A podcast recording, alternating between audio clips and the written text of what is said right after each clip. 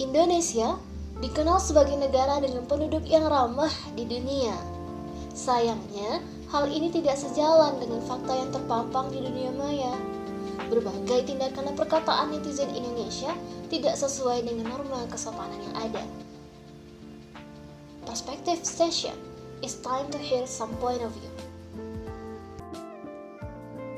Kalau ngomongin soal data sih, dari laporan Digital Civility Index atau DCI yang mengukur tingkat kesopanan pengguna internet di dunia maya, netizen Indonesia menempati urutan terbawah se-Asia Tenggara, alias paling tidak sopan se-Asia Tenggara.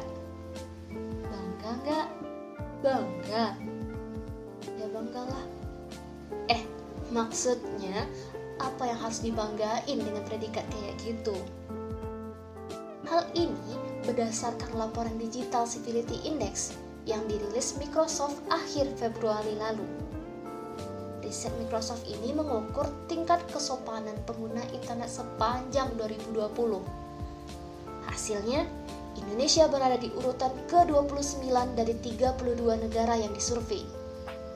Dengan hasil tersebut, Indonesia menjadi negara dengan tingkat kesopanan yang paling rendah di Asia Tenggara.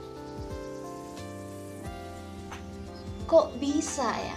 Katanya Indonesia itu dikenal sebagai negara dengan penduduk yang ramah. Nah, dikutip dari kompas.com, ternyata ada tiga faktor nih yang mempengaruhi resiko kesopanan warganet. Dan ini mungkin udah jadi rahasia publik juga. Ya, yang pertama adalah tingginya hoax atau penipuan. Beberapa waktu lalu, kehebohan kasus babi ngepet di bedahan Sawangan Depok Jawa Barat yang belum usai. Meski banyak pihak nih, termasuk Kemenak, LIPI, memastikan bahwa tidak ada yang namanya babi ngepet atau babi jadi-jadian itu, tapi kini seseorang ibu viral gara-gara mengaku tahu siapa sosok di balik babi ngepet tersebut. Dia menuding orang yang menjadi babi ngepet ini adalah tetangganya yang menurutnya menganggur tapi punya banyak uang.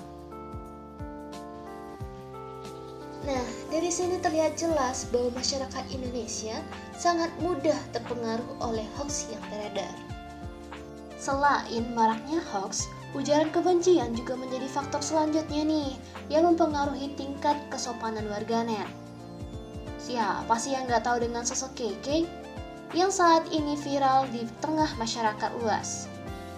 Keke, beauty vlogger yang terkenal karena make up tutorial balon air, sering mendapat banyak komentar negatif dari netizen Indonesia.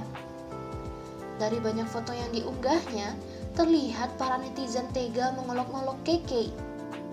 Kata-kata tak senonoh, mengejek wajah, dan hinaan lainnya membanjiri kolom komentar media sosial Keke.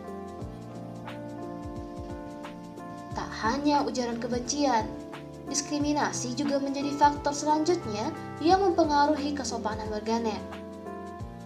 Bukti netizen Indonesia suka mendiskriminasi terlihat pada kasus pasangan gay asal Thailand yang tak menyangka momen bahagia pernikahan bakal membuat mereka berada dalam ketakutan. Pasalnya, mereka mendapat hujatan kebencian dari netizen Indonesia setelah mengunggah foto mereka menikah. Surya Kotsang, salah satu mempelai mengungkapkan komentar negatif itu dia terima satu pekan setelah fotonya terunggah di Facebook. Mayoritas warganet menyebut pernikahan mereka dilarang oleh Tuhan hingga bakal membuat dunia kiamat. Nah, dari kasus tadi dapat kita simpulkan, penerapan etika dalam menggunakan internet harus dilakukan oleh setiap pengguna internet di Indonesia. Jika etika dijaga dengan baik, Indonesia akan lepas dari negara dengan tingkat kesopanan terendah di jagat internet.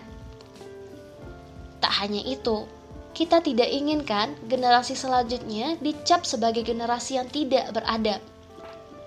Tetap jaga etika sopan santun di internet. Mari buktikan budaya sopan santun masih melekat di masyarakat kita. Sekian perspektif episode ketiga. Terima kasih. Sampai jumpa di berkisah baik komunikasi onan episode selanjutnya.